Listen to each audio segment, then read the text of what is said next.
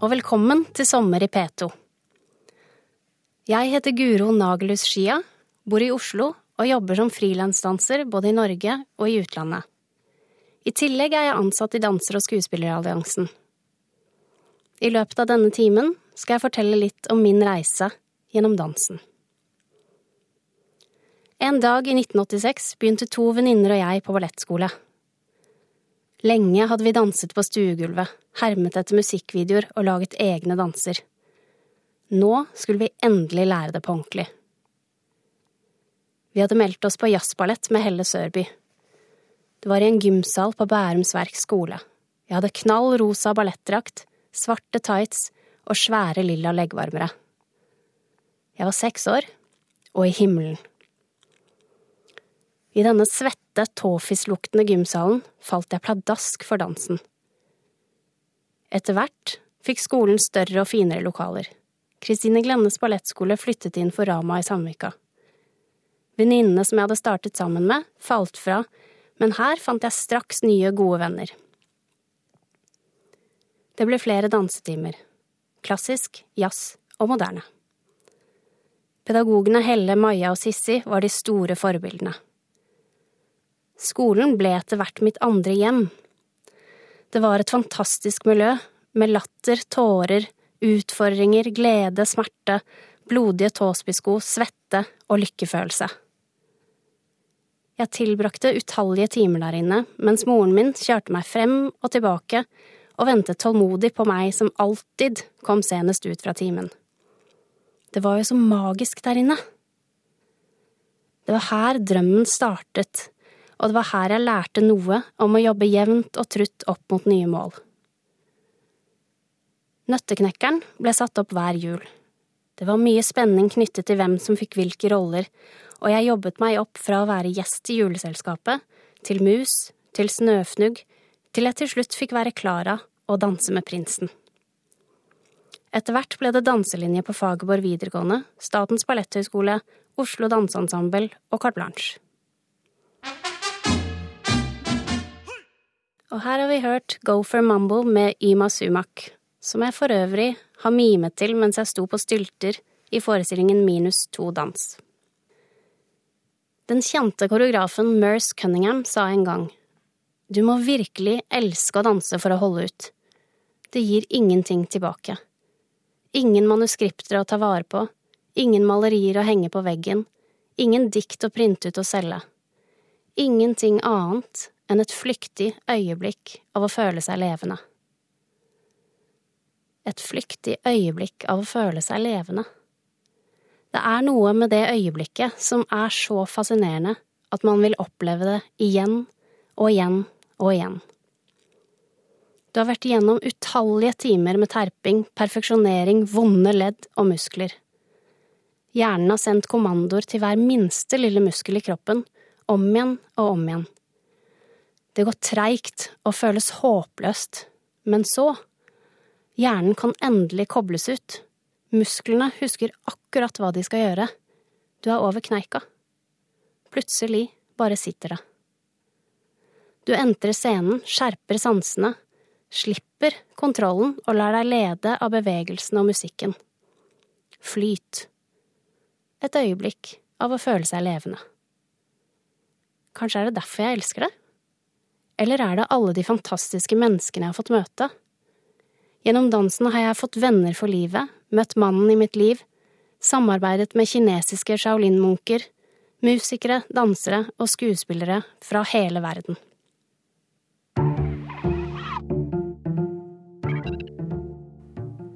Nå har vi hørt Lilies of the Valley med Yun Miyake.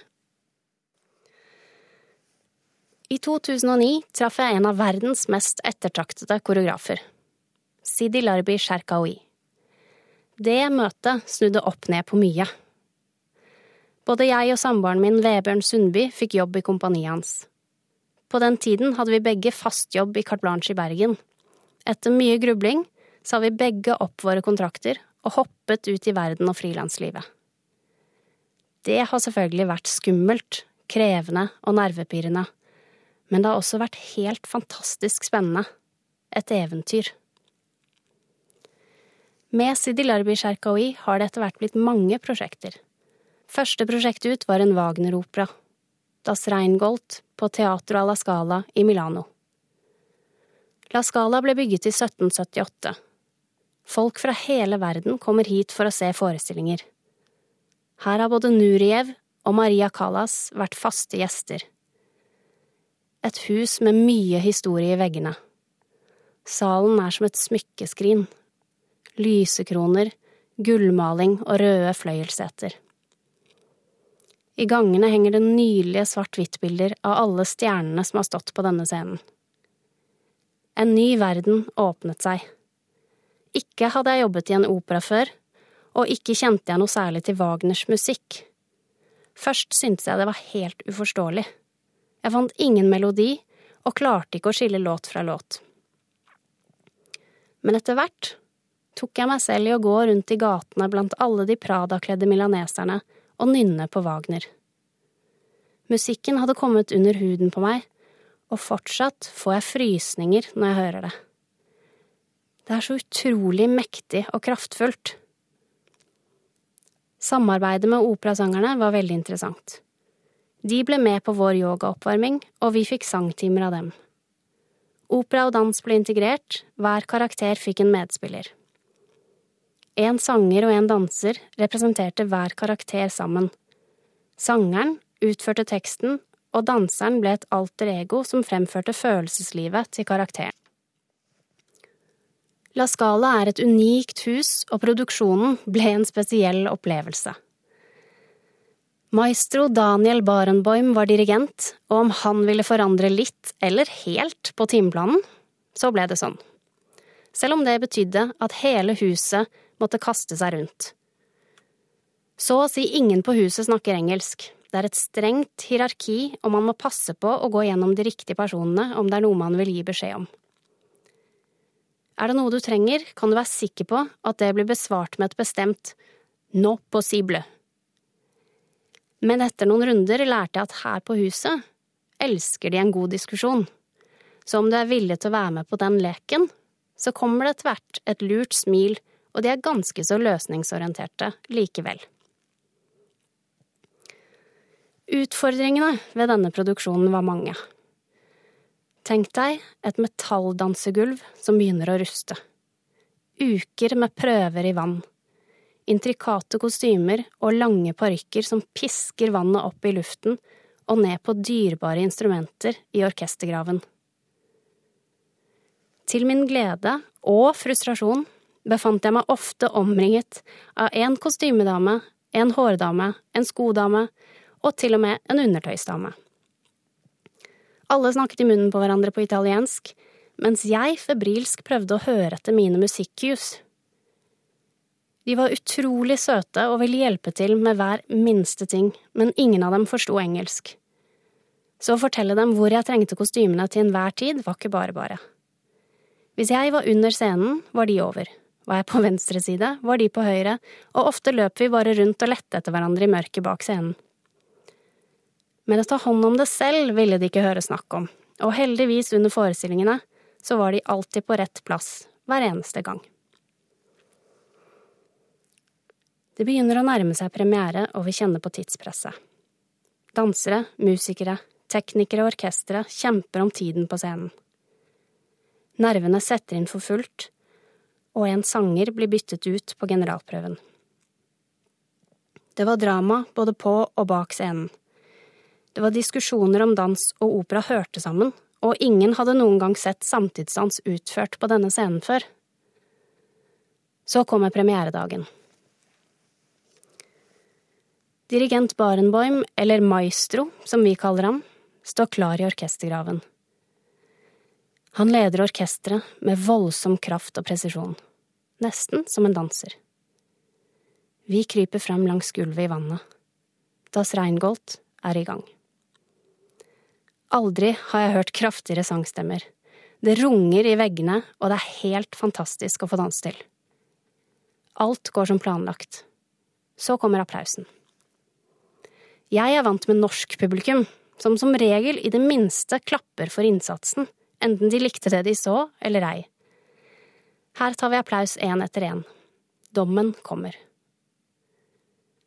Noen blir til min store overraskelse buet ut, og noen blir voldsomt applaudert med høye bravissimo-rop.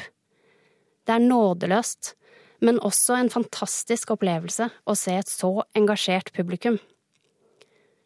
De har betalt billetter til skyhøye priser, kanskje reist fra andre siden av kloden, og ser det som sin rett å uttrykke sin begeistring eller skuffelse.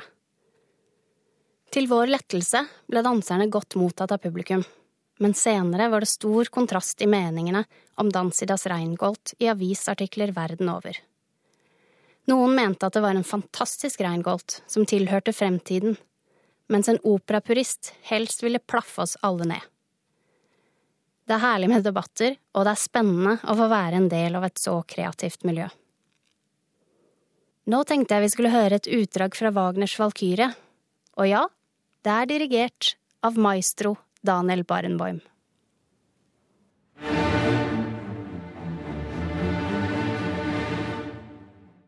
På reisen min med dansen har jeg fått møte noen mennesker som har gjort veldig inntrykk på meg, og jeg har lyst til å snakke om noen av disse møtene. Jeg har akkurat landet i San Diego, blir hentet på flyplassen og kjørt til et hus i Encinitas. Vi går inn.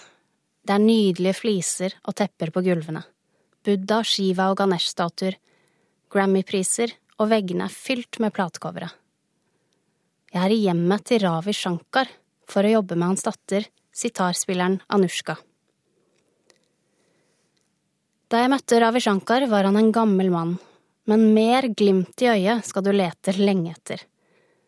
Han er en av de personene jeg har møtt som har gjort sterkest inntrykk på meg ekstremt levende og inspirerende, en utrolig utstråling og med masse humor. Men noen kulturelle forskjeller skulle det vise seg at det var imellom oss. Første gang jeg skulle hilse på han, var på terrassen hans. Anushka, jeg og Maithili, en indisk danser, hadde tatt lunsjpause. Etter at vi hadde spist, gikk vi ut for å leke med hennes sønn inni et hoppslott. Etter mye latter, hopping og basing krabbet vi ut, og der satt han på en benk på terrassen. En tynn, gammel mann med en enorm tilstedeværelse. Da vi alle oppdaget at han var der, var det som om tiden stoppet opp noen sekunder, med total stillhet. Ravi Shankar tok av seg solbrillene sine, strakk hånden sin frem til meg for å hilse. You're from Norway, right? I've been to Oslo, at the opera, lovely place, beautiful. Idet jeg strekker ut hånden for å hilse, tenker jeg at han ikke ser så godt, for han strekker hånden sin mer mot hodet mitt enn hånden min. Men jeg tar nå hånden hans og hilser. Neste dag var vi invitert på konserten til den andre datteren hans, Nora Jones. Ravi Shankar og kona satt på første rad, og jeg ble fortalt at vi skulle ned og hilse på han før konserten begynte. Jeg gikk først, nedover alle stolradene, og igjen rakte han hånden merkelig høyt over meg for å hilse. Jeg tok hånden hans, hilste og ga plass til de to indiske danserne som kom etter meg. De går ned på kne og lar han ta dem på hodet.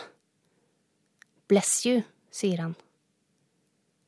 Herregud, så flaut. Jeg har nettopp håndhilst for andre gang på en guru, en legende. Det er visst ikke sånn man gjør det. Men alle gode ting er tre.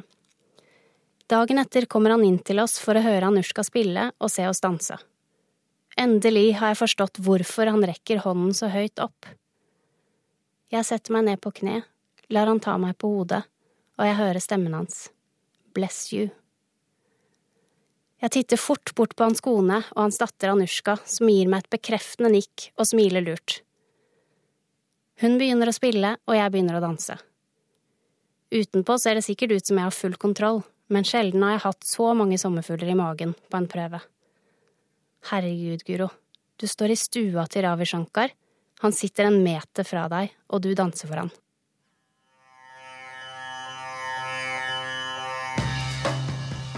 Nå hørte vi Beatles, som gikk i lære hos Ravi Shankar, med Tomorrow Never Knows. Anushka og jeg fortsatte samarbeidet. Først fra hvert vårt land, så sammen i London. Forestillingen skulle opp både i Dubai og i Tyskland. Det er alltid veldig inspirerende å møte kunstnere fra andre felt. Vi ser ting fra ulike vinkler.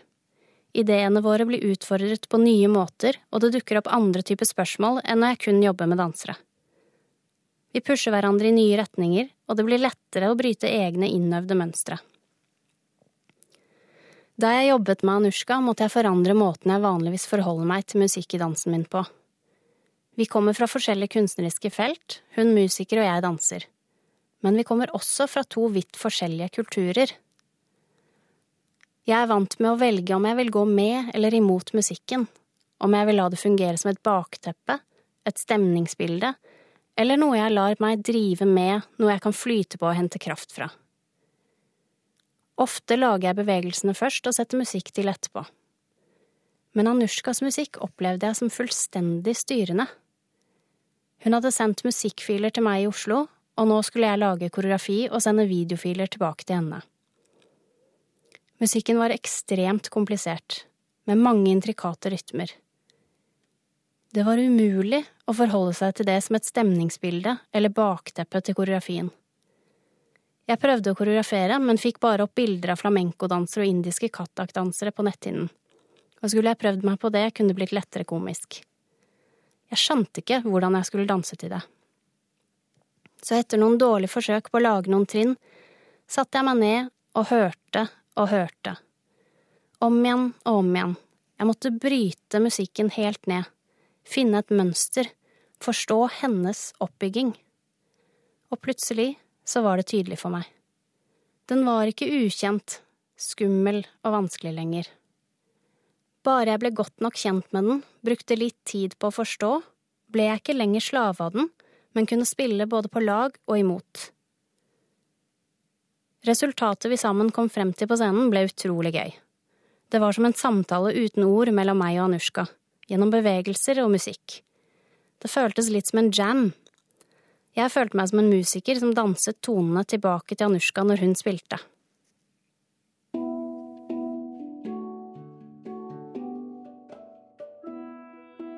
Du hører fortsatt på Sommer i P2, jeg heter Guro Naglo Skia og forteller om mine møter gjennom dansen. Som frilansdanser står man ofte over uendelig mange valg. I utgangspunktet kan du jo jobbe over hele verden. Dans er et universelt språk. Du må ofte forhandle dine egne rettigheter og lønn med forskjellig resultat i de ulike land, sjonglere flere prosjekter på en gang og få i stand en timeplan som fungerer. Jeg kan være utrolig ambivalent. Lide av bestemmelsesvegring, ligge og gruble hele natta så det knaker, både over bitte små, ubetydelige valg og de store, viktige valgene. Jeg har fått være med på så utrolig mange flotte danseeventyr, sett store deler av verden, møtt inspirerende mennesker.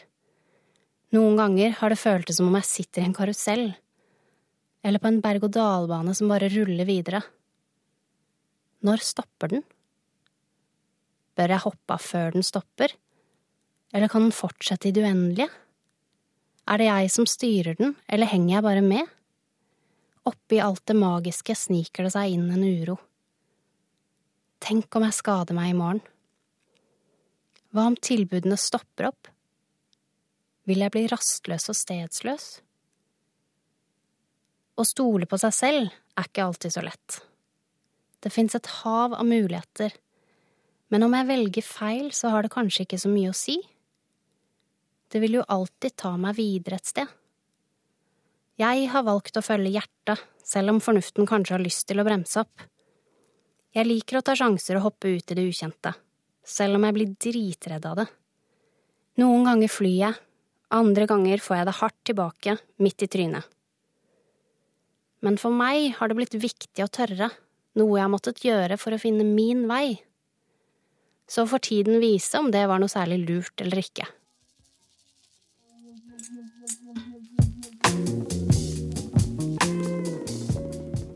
Nå har vi nettopp hørt Erica Badu med Didn't You Know. Sommeren i fjor, noe jeg har hørt var tidenes sommer i Norge, tilbrakte jeg inne i et svett, mørkt studio i Belgia med striesekker, gevær, åtte mannlige dansere og ni sangere. Vi jobbet med shellshock. En forestilling av Sidi Larbi Sherkawi og libretto skrevet av Nick Cave. Han kom ikke inn før på slutten, for han hadde skrevet librettoen ferdig lenge før vi begynte prøvene. Men han var akkurat som jeg trodde. En høy, tynn, rolig mann. Litt tilbakeholden og kledd i svart. Shellshock, eller granatsjokk, handler om traumene etter første verdenskrig. Vi så på en rekke videoer av mennesker med shellshock-syndromer. Vi studerte hvordan de beveget seg, ansiktsmimikken, de ukontrollerte rykningene. Hvordan soldatene kjempet i gjørme, og sykepleierne hadde den håpløse oppgaven å reparere de skadede soldatene så de kunne sendes ut igjen i krigen og bli skadet på ny eller til slutt drept. Jeg leste sykepleiernes dagbøker. Historiene deres krøp inn under huden. Grusomme historier.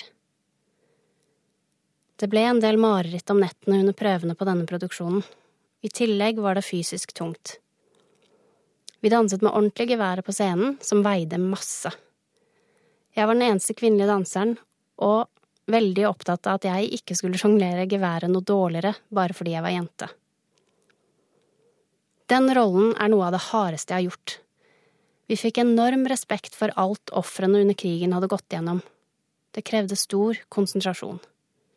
Sakte, men sikkert, mens jeg sminket meg og tok på kostyme, ble jeg en annen. Så går jeg inn på scenen. Det er bevegelsene, musikken og rytmen som regjerer. Bildene fra alle ofrene har brent seg fast på netthinnen, og selv om scenegulvet er helt hvitt, er det akkurat som jeg ser all gjørma blodet, alle ofrene rundt meg på scenegulvet. Å forsvinne inn i en karakter er det jeg liker best ved å være på scenen, følelsen av å gå inn i en helt annen verden. Men akkurat med denne karakteren var det også veldig deilig å kunne sette seg inn i garderoben etterpå og vite at jeg er norsk og lever i et fredelig, trygt land.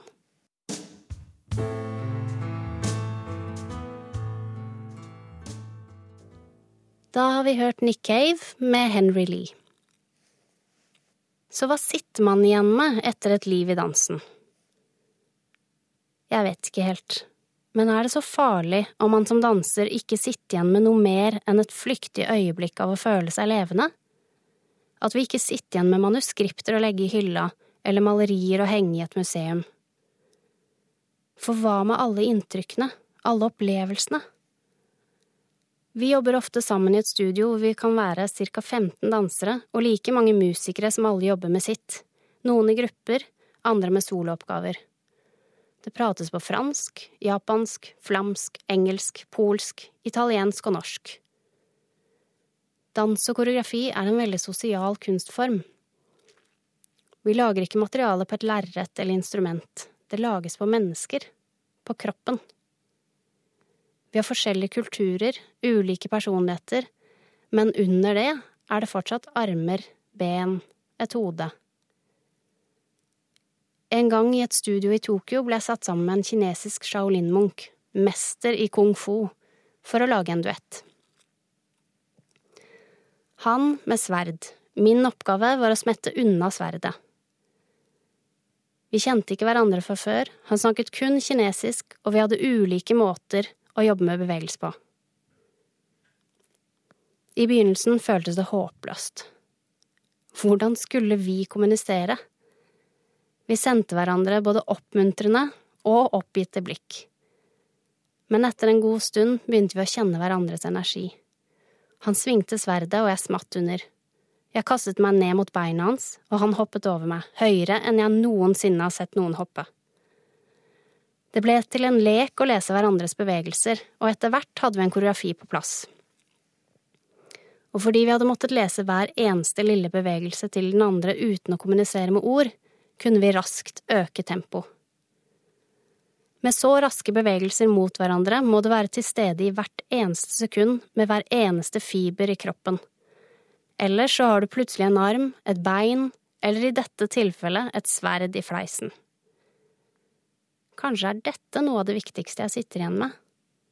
Å lære å samarbeide, finne like referanser, se forbi ulikhetene og finne måter å kommunisere på. Det er viktig ikke bare kunstnerisk, men også ellers i livet. Og det å ta vare på øyeblikket. Være fullstendig til stede her og nå.